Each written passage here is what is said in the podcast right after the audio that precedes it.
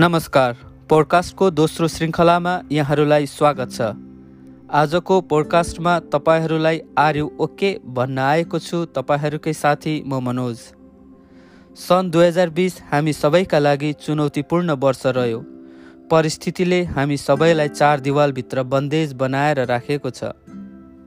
हुन त हामी बिहानी पख आँखा मिच्दै भए पनि पल्लो घरका छिमेकीलाई चिया पिउनु भयो त आमा बाबा भन्दै सोधेर के छ खबर तपाईँको टाइपको संस्कारमा हुर्किएका मान्छे? यो वर्ष हामी सबै गएका वर्षहरूको तुलनामा निकै पृथक र विषम परिस्थितिबाट गुज्रिरहेका छौँ। सबैको अनुहारमा एक प्रकारको भय छ डर छ अनि त्रास पनि। हामी सबैको जीवनशैलीमै परिवर्तन भएको छ। एक अर्काको परिस्थिति बुझ्न मनोभावनाको कदर गर्न अनि एक अर्कालाई सहयोगको भावना जागृत होस् भन्ने हेतुले आज यानि कि सेप्टेम्बर दसलाई आर्यु ओके डेको रूपमा मनाइने चलन चल्दै आएको छ। सेवा प्रदान गर्नुभएका दाजु दिदीहरू तपाईँहरू आफ्नो क्लाइन्टलाई सोध्नुहोस् आर्यु ओके भनेर। पैसा लिने बेला आफ्नो फाइदा पर्दा मात्रै नसम्झनुहोस्। अरू बेला पनि सोध्नुहोस् आर्यु ओके भनेर। विद्यार्थीहरूलाई सोध्नुहोस् आर्यु ओके सबै ठिकै त छ नि भनेर। सँगै बसेको साथी केही परिवर्तन भयो?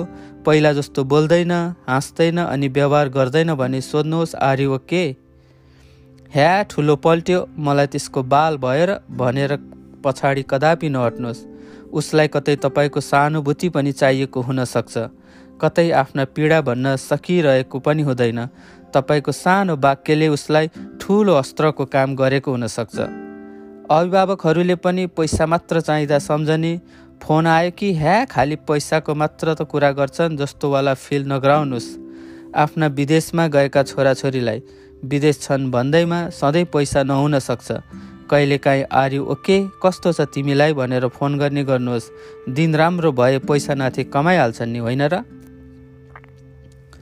आजको यो चुनौतीपूर्ण समयमा आफन्त साथी सङ्गीलाई नजिकका मान्छेलाई आफ्ना कुरा सेयर गर्नुहोस् मनमा गुम्साएर नराख्नुहोस् चाहे तनावको होस् या खुसियालीको नै किन नहोस्।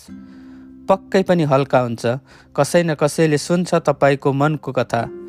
जीवनबाट हार कदापि नखाउँ हारलाई शक्तिमा बदलौँ तपाईँलाई थिचेका पहाड अनि भड्खालालाई सँगै हटाउने अनि टाल्ने पहल गरौँ। आर ओके यो प्रश्नले कसैको जीवनमा ठुलो प्रभाव पार्न सक्छ? मृत्युको मुखबाट कसैलाई रोक्न सकिन्छ भने? किन नभन्ने? आर ओके। धन्यवाद।